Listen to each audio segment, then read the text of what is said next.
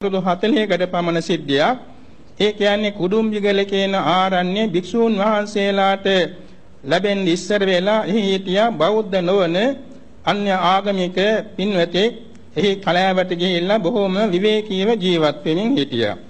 නමුත් මෙතුම බුද්ධ ධර්මයේ ගැන යම් පමණක් දන්නව ඔය අතර එක දවසක් Tamante දෙවි කෙනෙක් කියනවා වගේ සිහිනින් යම් පණිවිඩයක් ලැබුණා. ඒ කියන්නේ පින්වෙත මෙන්න මේ මන්ත්‍රය පාඩම් කරගන්න කියලා ඉතිපිසෝ ගාතාව කියලා දුන්නා. එතුමා ඉතිපිසෝ ගාතාව දන්නවා. ඉතින් එතුමා අවදි වෙලා කල්පනා කළා මේක බෞද්ධයන්ගේ වචනයක් නේ බුදුරජාන් වහන්සේගේ ගුණ පාඨයක් නේ මේක මට මොකටද කියලා හිතාගෙන හිටියා. නමුත් එදා එතුමා ඇවිදගෙන යද්දී යම්කිසි දොළපාරකින් බහැලා ගොඩ වෙන්න හදනකොට දැවැන්ත වලහෙක් හරියට මූණට මූණ ආවා. එතකොට මෙතුමාට අර සිහිනේ සිහි වෙල එක පාට ඉතිපිසෝ ගාතාව කිව්වා. මේ වලසා විදුලි වේගෙන් ආපස්සට බැලලා දිව්වා. එදා තමයි මෙතුමා තේරුම් ගත්තේ මේ මන්ත්‍රයේ තියෙන මහානුභාව සම්පන්නකම.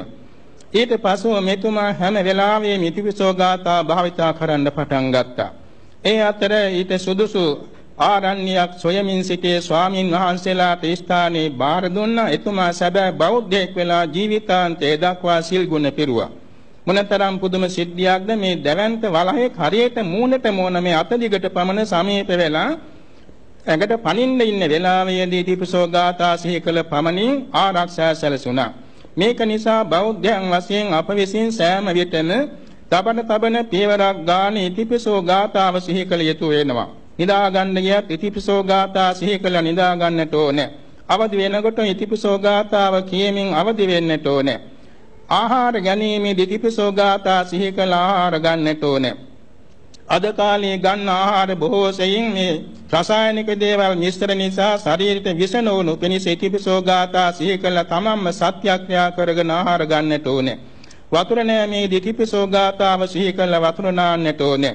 එවාගෙම යම් කිසි දෙයක් පටන් ගන්න ඉස්සෙල් ඉතිපිසෝ ගාතාව කියලා පටන් ගන්න ඕන. හැම වෙලාවෙම මේක සිහි කරනවා නම් ඒ ඒ කාර්යයන් බොහෝම සාර්ථකව සපදායකව සනසිල්ලේ සම්පූර්ණ කරගන්නට ශක්තියක් ලැබෙනවා. මේක නිසා අද කාලේ විශේෂයෙන්ම ශ්‍රී ලංකාවට ආරක්ෂාව සඳහා ජනතාවට ආරක්ෂාව සඳහා රාජ්‍යයට ආරක්ෂාව සඳහා ඉතිපිසෝ ගාථාව අපි නිතර භාවිතා කරමින් මේ ආරක්ෂා දස දිසාට විහිදුවන්නට ඕනේ. මේ ශක්තිය අසීමිතයි. මෙහි ඉඳගෙන ඇමරිකාවේ ඉන්න කෙනෙකුට වුණත් ඉතිපිසෝ ගාතාව සිහි කළ එක එක ගුණයකින් සෙත් පැතීමෙන් පුදුම ආචාර්ය ආනිසංස දැකගත හැකි වෙනවා. ඒ විදිහට අත්දැකීම් රාශියක් අපි දැකලා අහලා තියෙනවා. ඉතිපිසෝ ගාතාව එක එක ගුණයක් සිහිපත් කරමින් ඕනෑම අදාන්තයක් සුදාන්ත කරගන්නට පුළුවනි.